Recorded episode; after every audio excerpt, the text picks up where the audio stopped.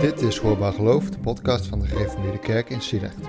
In deze vierdelige serie, The Road to Calvary, spreken Job van Achterberg, dat ben ik, en dominee Alexander Veerman over geloof, ongeloof en alles daartussenin. Aflevering 4, Ingewikkeld geloof. Ja, we, we hebben natuurlijk een, een, een reis um, um, zijn we begonnen. En we hebben de vorige keer ook um, zijn we gestopt met Um, ja, ook met die vraag van, uh, jij, was, jij zat even wat na te denken over, um, als ik terugkijkend van, hey, um, nu, nu kom ik dus eigenlijk uh, bij, bij uh, Calvary, bij, bij Golgotha, bij dat kruis van Christus. en nou, niet iedereen weet dat je die reis hebt gemaakt, dat je het ook wel wat spannend vond. en misschien is het wel aardig om, om, om dat eerst maar te vragen, van wat maakt dat je, dat je dat spannend vindt? En wat maakt dat je, je noemt het ook een geheim, uh, wat met je mee uh, is gegaan, uh, nou, dat je het op die manier hebt beleefd. En, en is dat aan het veranderen of is het veranderd? Zo, dat is meteen een goeie. ja, dat kruis. Ik moet zeggen dat ik, ik mezelf ook dat bijvoorbeeld niet snel zou zien dragen. Ik zou dat waarschijnlijk niet heel snel zo uitdragen. Um, ik denk dat het, als ik het eh, heel erg naakt bekijk, is het een, een mix van waarschijnlijk dat ik bang ben dat ik het niet uit zou kunnen leggen als ik het moet verantwoorden. Hm. Nou jij op, uh, jij van alle mensen, hoe krijg je dat nou voor elkaar? En ik, ja, nou heb je even. Uh, hier zijn een paar podcast afleveringen. Ja, dan weet je het. ja, uh, en het, het zal Hoewel dat nu veel minder is dan eerst, dan een paar jaar terug. Dat was denk ik het ook wel een groot gedeelte trots was. Met ja, uh, je bent toch een rationeel persoon, je gaat je daar toch niet mee bezighouden. Dat is toch voor mensen die dat, uh, die dat een soort nodig hebben. Ja. Uh, ik, ja, ik denk ook niet dat het veel ingewikkelder is dan dat. Want heb je het gevoel van dat je nu uh, want je hebt die reis uh, gemaakt en, en, en laten we gewoon eerlijk zijn, die reis is nooit klaar. Hè? Uh, dus, je bent gewoon, gewoon op weg gegaan en, en, en die reis gaat verder.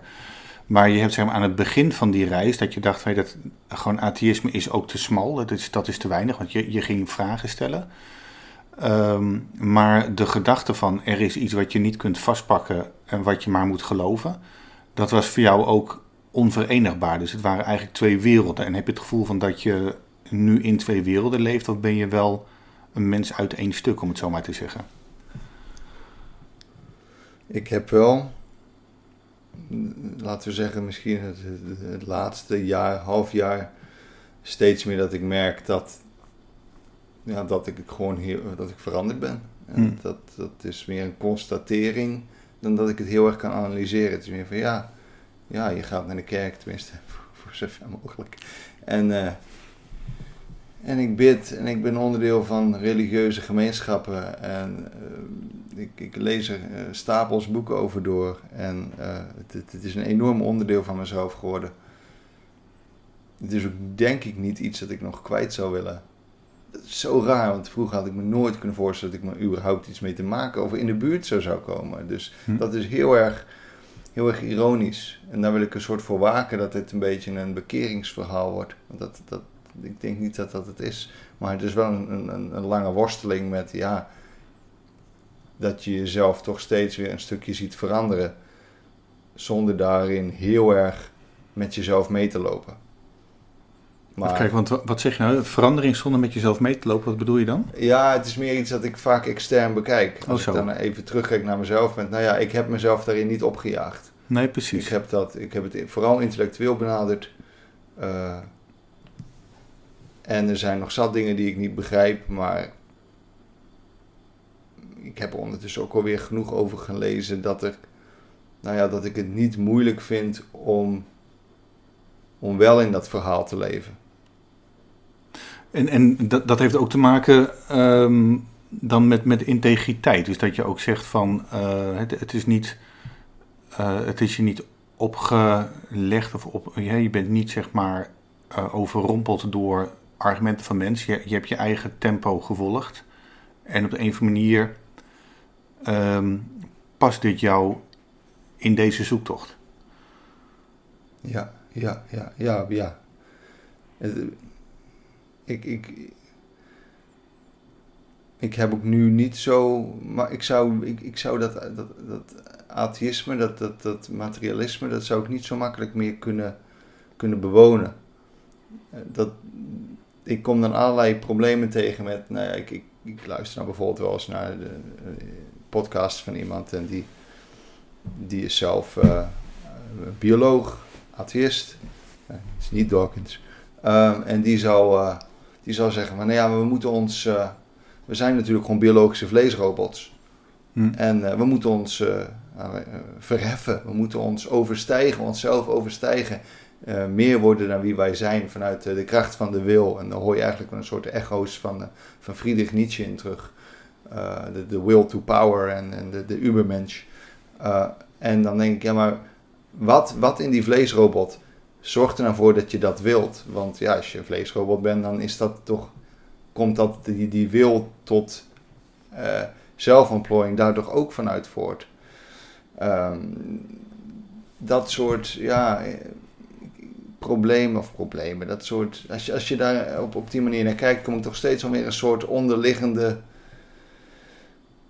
ja, bijna religieus substraat tegen van, van waarden en. en, hmm.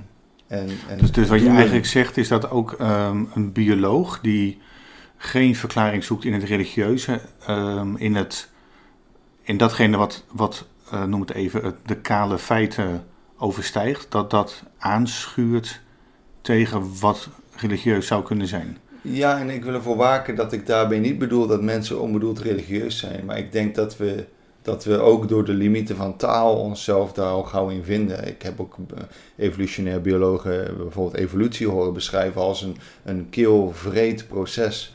Hm. Ja, dat, dat, dat is eigenlijk, ja, binnen dat frame is dat niet zo. Dat is gewoon, dat, dat zijn willekeurige mutaties die onder krachten van, van de natuur uh, bepaalde organismen vormen.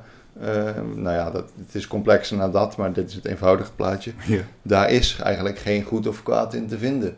Nee. Dat is, dat is een, een klok die zich, die zich die is opgewonden en die zich weer afspeelt. Ja. dus als je daarin zegt, ja, maar we moeten ons richten naar het juiste, naar het mooie, naar het goede.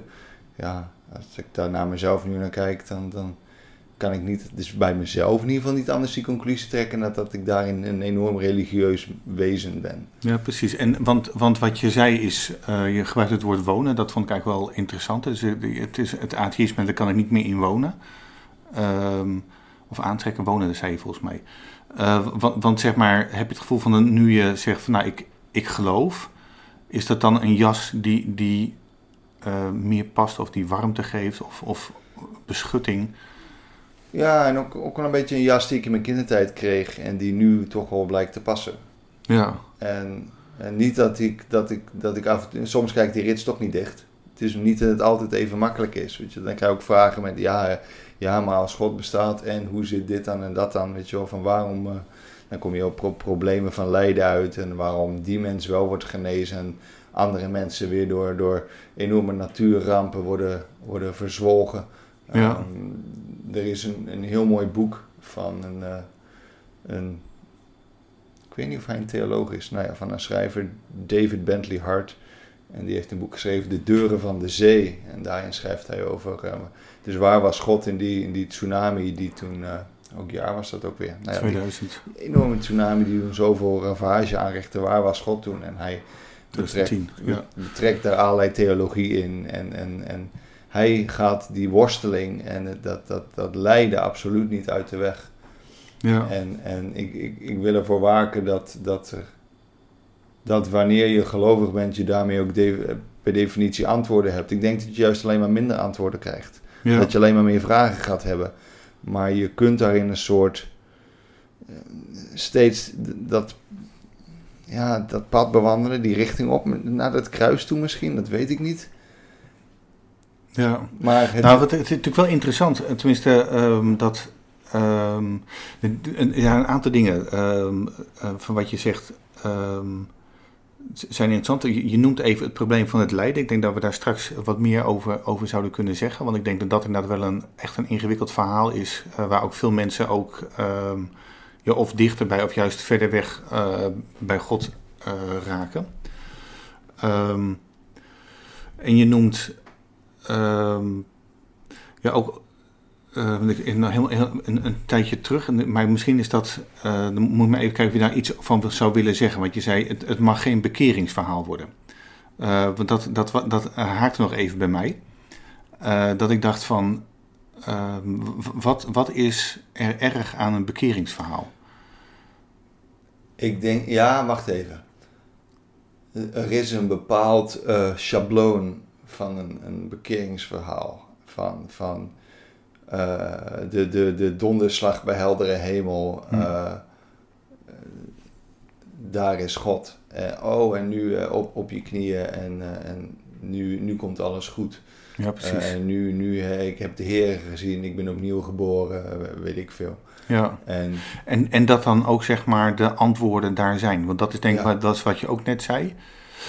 Ja, en dat, volmondig ja. Dus ik denk, het is, de, sommige verhalen zijn zo, ehm, maar de meeste verhalen niet. Hè. Dus ik denk inderdaad, eh, en ik vind bekering vind ik een lastige term, zodra dat gebruikt wordt om, ehm, ja, om bijvoorbeeld om jouw verhaal toe te eigenen. Van, van kijk nou eens, eh, er is een ATSD.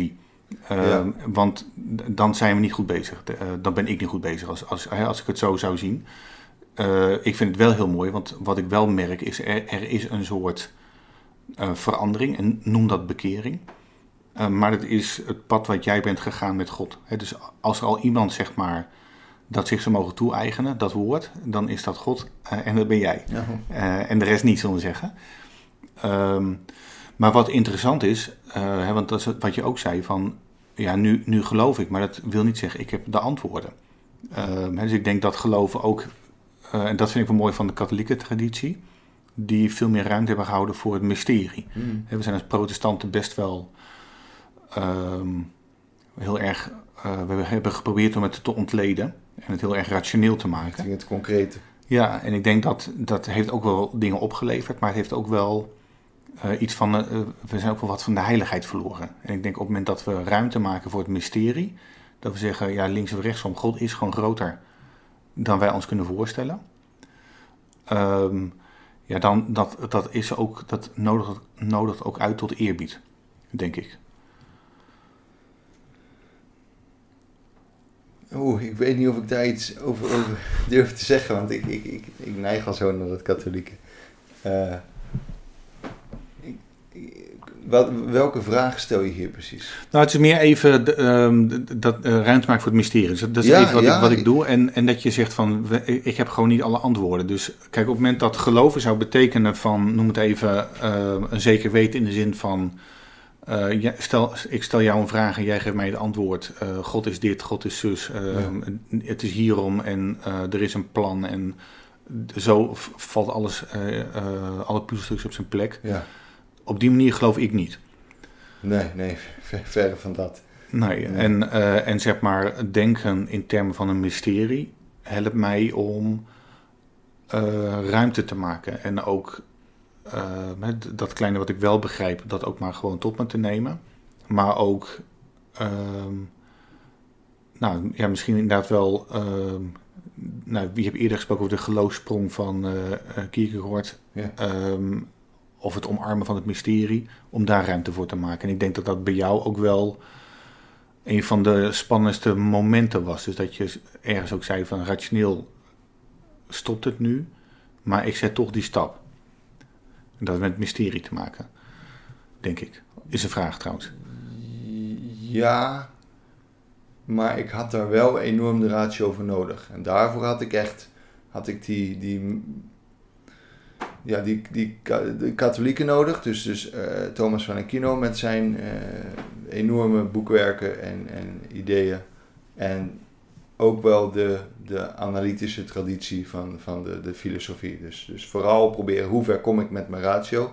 Nou, we hebben in ieder geval, zoals we vorige keer een beetje bespraken, kunnen we met een hele hoop argumenten, kom je toch uit- uiteindelijk wel als je daar, als je de, de, de premissen tot de conclusie volgt, kom je uiteindelijk iets tegen wat je God zou kunnen noemen. Hm. Daar kun je heel moeilijk omheen.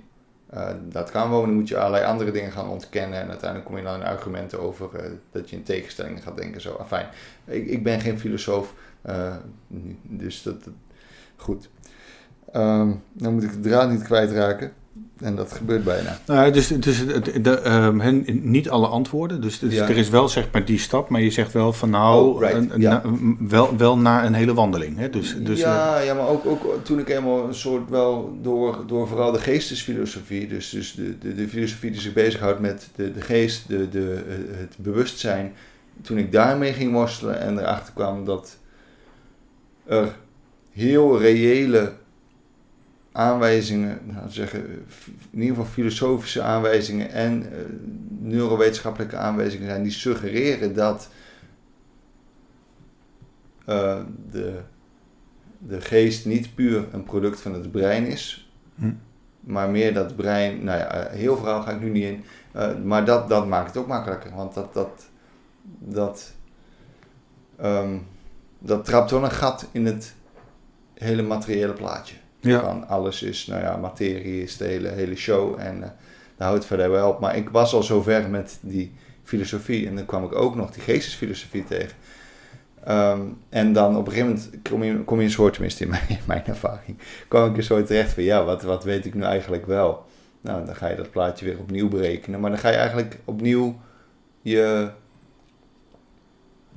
je gaat je basisregels opnieuw uh, vaststellen. Bijvoorbeeld, Ja. weet je, 1 op 1, 1, 1, 1 plus 1 is 2. Als A gelijk is aan B, is B gelijk aan A. Als A gelijk is aan B, B gelijk is aan C, is A gelijk aan C, enzovoort. Uh, ja, dat, heel snel gaat het natuurlijk niet. Maar wat, wat ik daarmee bedoel te zeggen is dat je dan eindelijk, als je, als je opnieuw daarna gaat kijken, kom je een ander plaatje tegen. En daarin merkte ik dat dingen als, als uh, nou ja, hoe, hoe, hoe leef je nu? Dus de waarheid Hm. de, de, de, en dingen als schoonheid en dingen als, als, als menselijkheid kwamen daarin veel sterker naar voren dan waar het van gemaakt is. Ja, ah, oké. Dus je zou kunnen zeggen, eh, Tom Wright heeft dat ooit daar een boekje over geschreven, dat hij zegt van er zijn eh, sporen van God te vinden in de schepping. Of eh, in de natuur, want als je het woord schepping gebruikt, dan is dan geen spoor, maar dan heb je al het over God. Ehm, hij noemde inderdaad schoonheid, relatie, eh, het verlangen naar ehm, eh, gerechtigheid Ja. ehm, en nog iets. En ehm, hoewel dat verlangen heel sterk is, lukt het ons niet om dat, eh, en waarheid denk ik, lukt het ons niet om het voor elkaar te krijgen. Dus hij zegt, ergens is er een- in ons ja, manier van functioneren, kunnen we ons enorm, ehm, ja, zeg maar, geraakt, ontroerd worden door schoonheid. Maar het lukt ons niet om vanuit die schoonheid echt te leven. Eh, en hij zegt dus, daar is een, het, eh, eh, dat is wat Tom Wright zegt, er is een, zijn vingerwijzingen of sporen van God Mm. hier te vinden. En op het moment dat je daarover nadenkt, dan komt er dat moment dat je die stap verder zet, omdat wil je inderdaad eh, ehm, de diepte van een relatie ontdekken, de kracht van de schoonheid, ehm, ja, dan, dan komt het van de kant van God. Dus dat, dat, eh, is wat, wat hij dan in dat boek eh veronderstelt. En ik vond het ook wel ehm, interessant om er zo naar te kijken.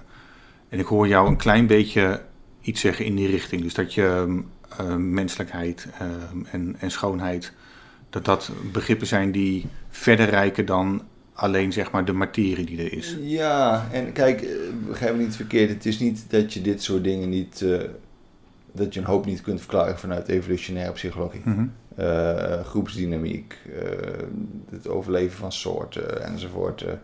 dan zijn er nog steeds heel rare dingen die ik, die ik vanuit evolutionaire psychologie wat moeilijk kan verklaren. Zoals dat je, dat je besluit dat je, dat je, dat je de, de sterrenhemel heel mooi vindt, bijvoorbeeld. Dat is natuurlijk iets heel aparts dat, dat eh, Ja. select, geselecteerd zou worden. Kun je zeggen, ja, maar het is een aanhangsel, daar is, is, is niet voor geselecteerd. Dat is gewoon een, een bijverschijnsel van... eh, of het, het, het hielp ons om als groep samen naar die sterrenhemel te kijken, weet ik veel. Er is ongetwijfeld een evolutionair psychologisch eh, plaatje aan te, ha- te, Maar, maar even terug naar de, de weg die, uh, die, die je gegaan bent. Hè? Dus uh, al wandelend zijn we bij een bij echt vrij bizarre plek terechtgekomen, namelijk Golgotha of Calvary. Ja, zoals deze podcastserie heet, Road to Calvary. Je noemde het een tijdje terug, had je het ook even over het kruis. Want wat daar vrij bizar in is, want ehm, er is niet alleen als, als je het zeg maar, je verdiept in het christelijk denken, praat je over God. hè, want ook, ook uh, de filosofen hebben veel nagedacht over God. Eerst vanuit de, uh, de overtuiging dat God er natuurlijk was. Hè. Dat was natuurlijk heel lang was dat de veronderstelling. En die God die kreeg een steeds geringere plaats in het denken. uiteindelijk de, degene die het begonnen was, maar dat was het dan ook. En, en, en hij was verder niet meer betrokken op wat er gebeurde. Ja.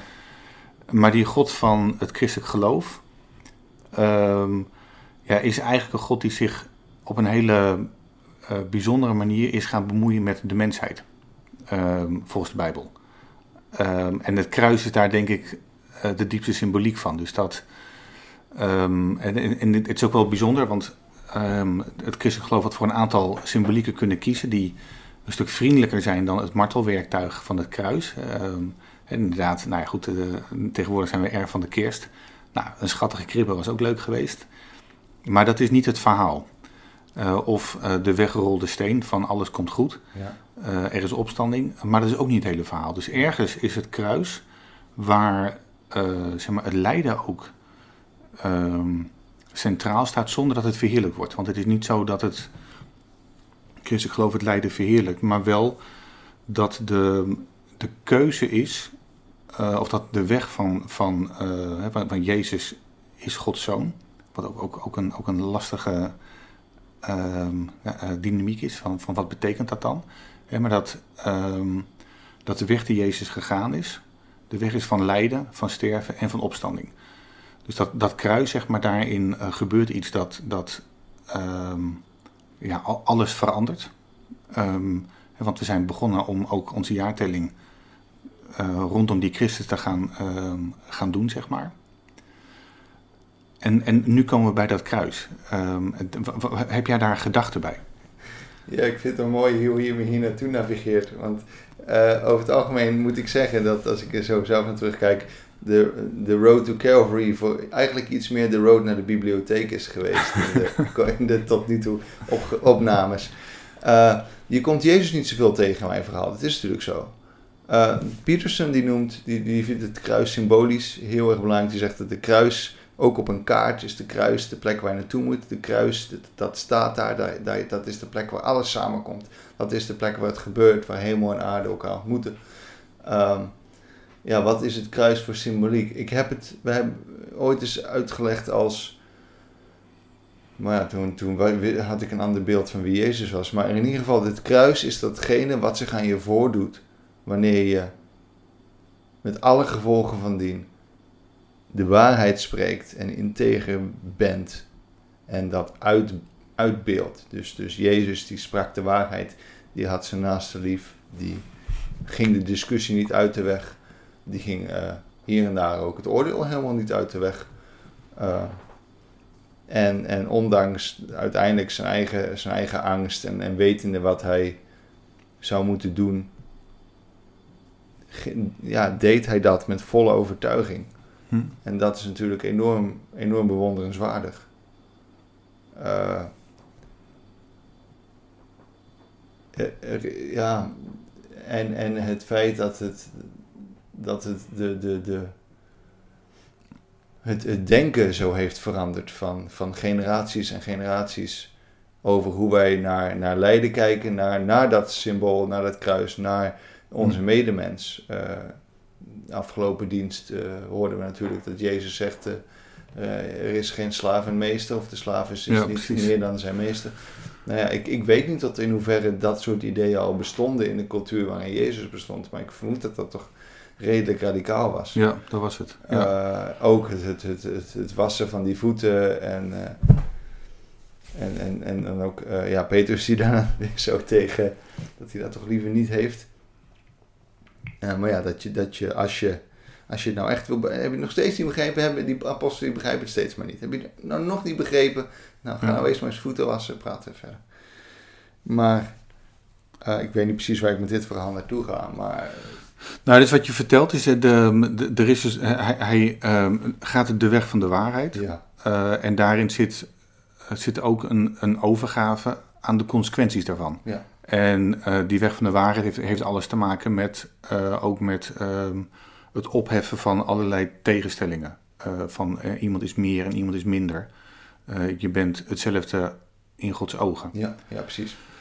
En wat ik zelf geloof, hè, dat, dat Jezus ook, um, uh, zeg maar, in, in, in, in de persoon van Jezus, ja, komt zeg maar de schepping uh, samen. Dus ergens schrijft Paulus dat, dat Jezus ook de tweede Adam is. Hè, dus mm -hmm. Adam staat voor de mensheid, Jezus ook. Um, en dat Jezus de weg van God tot het einde gegaan is. En Matthäus bijvoorbeeld, die vereenzelvigt Jezus heel erg met Israël. Hè. Israël is eigenlijk het volk van God. Um, ja, dat beelddrager is van God. Zo zou het bedoeld moeten zijn. Dan kun je aan die beelddrager zien wie God is. En uiteindelijk lukt het Israël ook niet. Um, en net als het Adam niet lukte, lukt het Israël ook niet. En dan is Jezus zeg maar, de persoon waarin Adam en Israël samenkomen. Uh, de mensheid en Israël. En hij blijft tot het einde die beelddrager van God. En wat ik zelf um, heel spannend vind, want Jezus draait eigenlijk alles om. Hij zegt, wil je in deze wereld het volhouden, dan zul je moeten dienen. Dan zul je moeten liefhebben. Uh, en dienen betekent niet dat je niet belangrijk bent. Dat ben je wel, je bent kind van God. Um, maar die liefde, die, die heeft alles te maken met recht doen. en met, met solidair zijn, uh, met, uh, met je verbinden aan God maar vervolgens niet via de weg van de macht. En dat is wat je eigenlijk nu steeds om je heen ziet. Hè? Dat zodra mensen uh, op posities komen met meer macht, dat ze ook die macht aanwenden om hun positie te versterken. Hmm.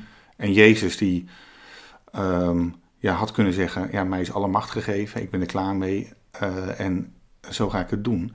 Maar hij kiest voor ehm, ja, die weg tot het einde te gaan, die dienende weg. En ik, ik denk altijd maar uh, ik, ik ben ook, ook ik sta bij, bij dat Joodse volk die zegt van als dit de weg is, dan willen we jou niet hebben. Als God ja. op deze manier dichterbij komt, dan wil ik niks met God te maken hebben. En ik denk wel eens, uh, dat zegt U2, zingt ook, dat ook in een liedje When Love Comes to Town. Um, dat, dat hij ook daarbij Calvary staat. maar dan inderdaad ook van wij willen jou niet. Um, en ik denk dat God ons zo op de huid komt in Jezus, hè, uh, zo is het leven bedoeld, dat dat uh, ook heel veel van onze privileges afneemt. Dus dat wij anders naar onszelf moeten kijken, eigenlijk groter ook. Dat is ook wat Mandela zegt, uh, zei, zijn onze grootste angsten niet dat we klein zijn, maar dat we juist zo groot zijn. Maar dat je die grootheid ook aanwendt in het dienen. Um, en dan zeggen wij dus, Jezus, ga maar weg. God, ga weg. En in het kruis zou je kunnen zeggen dat Jezus en God vasthoudt. Um, van, van ik blijf God trouw. Hij, hij zegt niet op het einde in het kruis, bij het kruis van uh, God, het was een vergissing. Ja. Je hebt gelijk, uh, deze mensen die zijn echt, dat is helemaal niks. Dus hij, hij houdt God vast. Maar hij houdt ook ons vast. Hij zegt wel van, oké, okay, je snapt gehouden wat ik aan het doen ben. Maar dat komt. En, dan, en bij de opstanding is het Gods ja ondanks ons nee. En, en, daar zit iets van het geheim van uh, kruis en opstanding, denk ik. Maar misschien is het wel een heel vaag verhaal trouwens. Ik kan het grotendeels volgen hoor. Alleen die laatste zin dat je zegt dat daar het geheim zit van het kruis en opstanding. Nou ja, dat, dat, dat um, kijk, wat, ik, wat mij altijd verbaast. Uh, ik denk wel eens van als ik God zou zijn, dan zou ik al lang en breed ergens anders gewoon overnieuw begonnen zijn. In Exodus scheelt het niet veel volgens mij. Ja, nee, klopt. Um, en, en, um, maar zeker rondom uh, dat kruis, dan zou ik zeggen van nou weet je, als dit het is, als je uh, zo erg niet snapt wat ik aan het doen ben. En ook zeg wat je net vertelde over die vertwijfeling bij de discipelen, die, uh, die leerlingen die blijven um, het ingewikkeld vinden. En het is het ook, bedoel, maar dat, dat, dat geldt nu, nu nog steeds. Dat we zeggen, ja, maar hoe, hoe zit het dan? Het, het overstijgt ons denken. Ja. Dus ze snappen het ook niet. Um, dat God het zeg maar blijft zien met ons. Dus dat hij niet zegt van nou joh Alexander, uh, ik ben inmiddels wel klaar. Uh, ja, je, je hebt een leeftijd bereikt waarin het wel zou moeten weten. Ehm, dat vind ik eigenlijk het, het grote wonder. Dat God zegt van ik zie in jou een potentie. Uh, en jou de mensheid. Ehm, en ik wil heel graag met jullie verder. Ik wil met jou verder. En dat is eigenlijk dat ja van God. Hè. Dus hij had ook kunnen zeggen, het, het stopt bij het kruis. Dan hadden we gewoon een goed voorbeeld gehad. Hadden we kunnen zeggen van ja, Jezus was eigenlijk best bijzonder. Ja, um, En, en misschien is het aardig om dat na te doen als je gek bent. Uh, je kan beter de kant kiezen van, uh, van de machthebbers. Maar door die opstanding ontdek je ook, ja, maar dit is hoe God het wil. En uh, dat raakt ook aan, aan dat probleem van het lijden. Want, want ik denk ook wel eens van, er gaat zoveel mis. En ik, ik, hoor, ik hoor ook veel verhalen van uh, hoe, hoe, zwaar het leven kan zijn. En wat in, in uh, rugzakken mee kan gaan. Maar ook, je hebt ook de natuurrampen. En dan is ook de vraag, waar is God dan? Hoe werkt dat dan? Nou, we hebben in de theologie allerlei antwoorden op gegeven. En die antwoorden volstaan niet. Ik denk, er is geen goede antwoord op de waarom-vraag. Op het moment dat je iets meemaakt en er komt een dominee langs die zegt van, nou, ik zal je vertellen waarom. Dat is niet waar je op zit te wachten.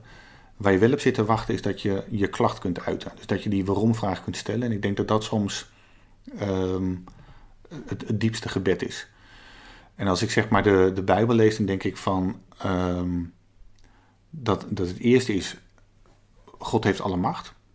Um, maar hij heeft ook ruimte gelaten. En uh, dat heeft iets te maken met relatie, met vrijheid, of met dat het niet af is, what, whatever. Um, maar daar zit ook de pijn.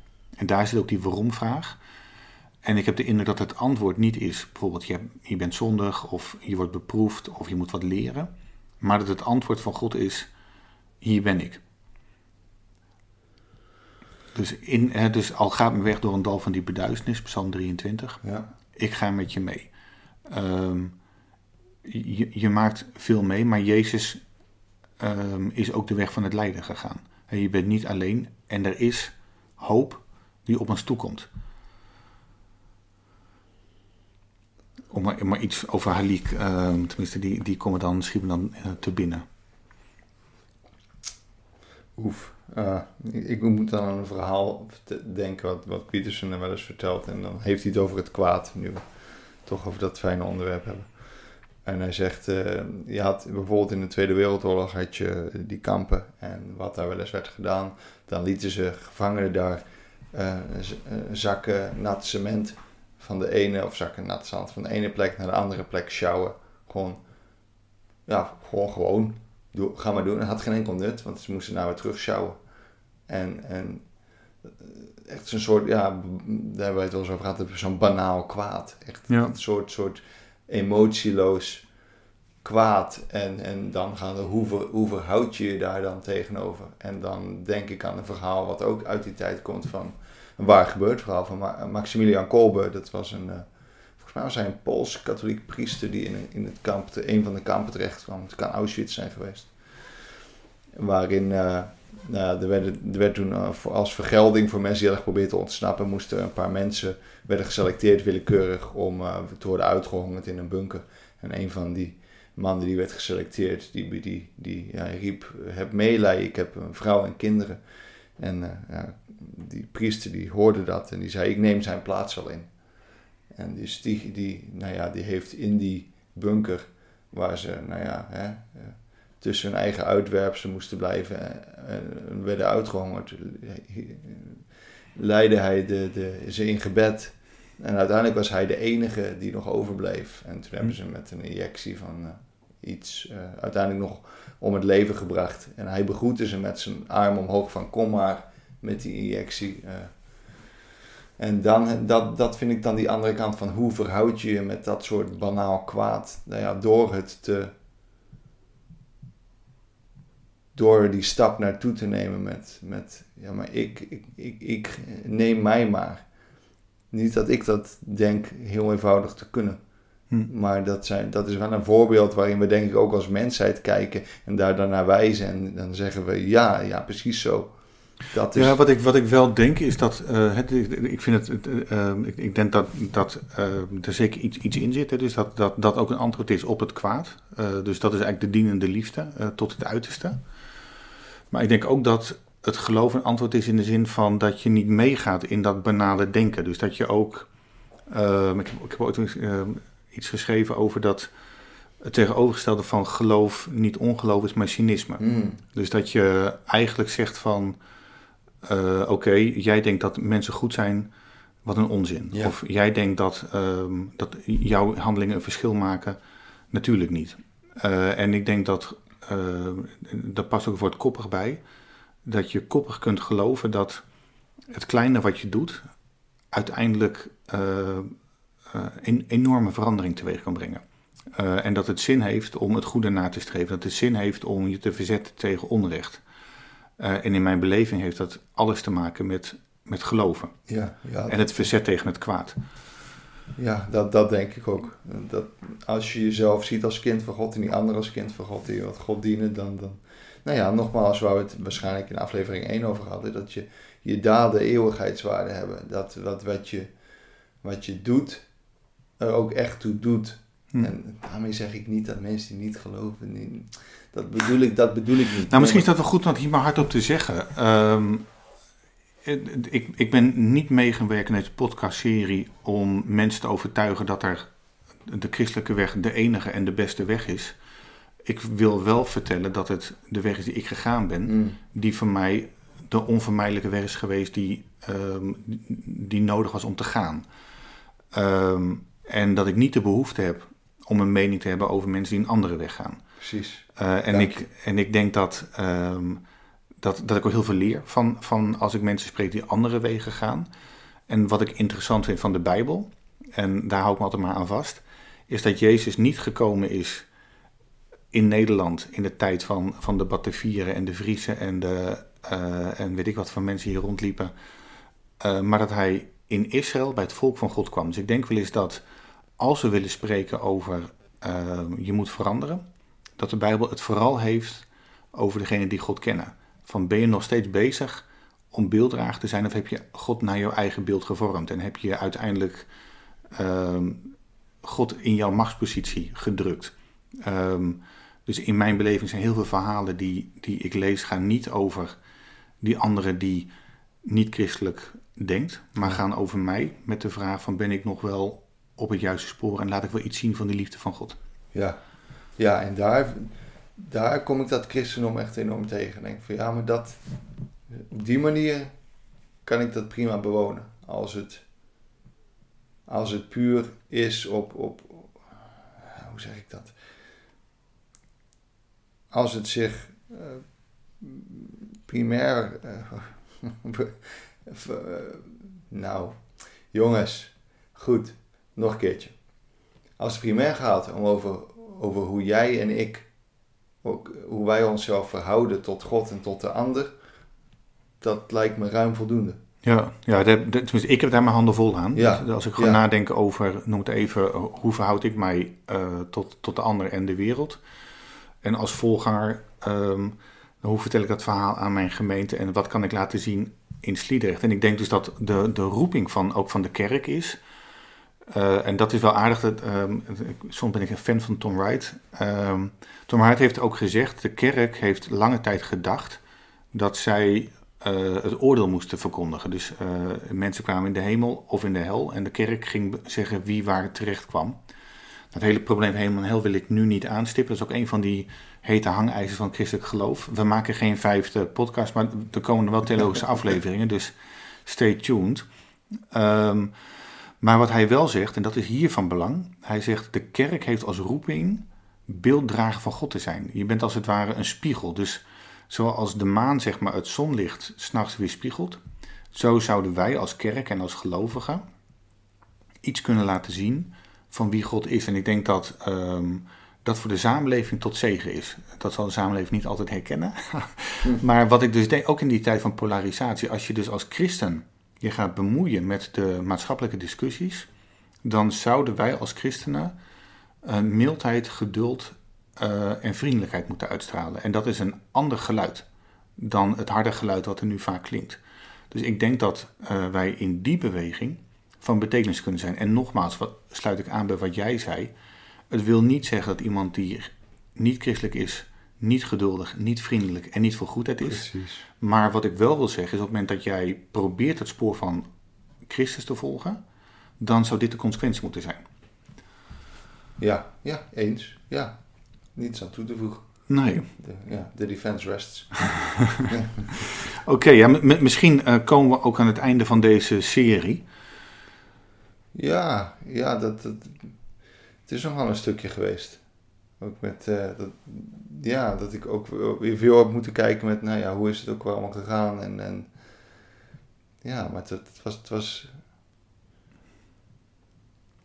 ja, goed zo, denk ik. Ja, nou bedankt voor jou uh, dat je ons mee hebt laten kijken met jouw reis. Uh, ik vond het zelf echt uh, razend interessant. En wat ik eerder ook heb gezegd, jij hebt mij ook veranderd. en, en ik denk dat dat ook ehm, ja, mooi is, dat als je elkaar ontmoet, dan open je je hart. En dat betekent dat je ook altijd bereid bent om te leren.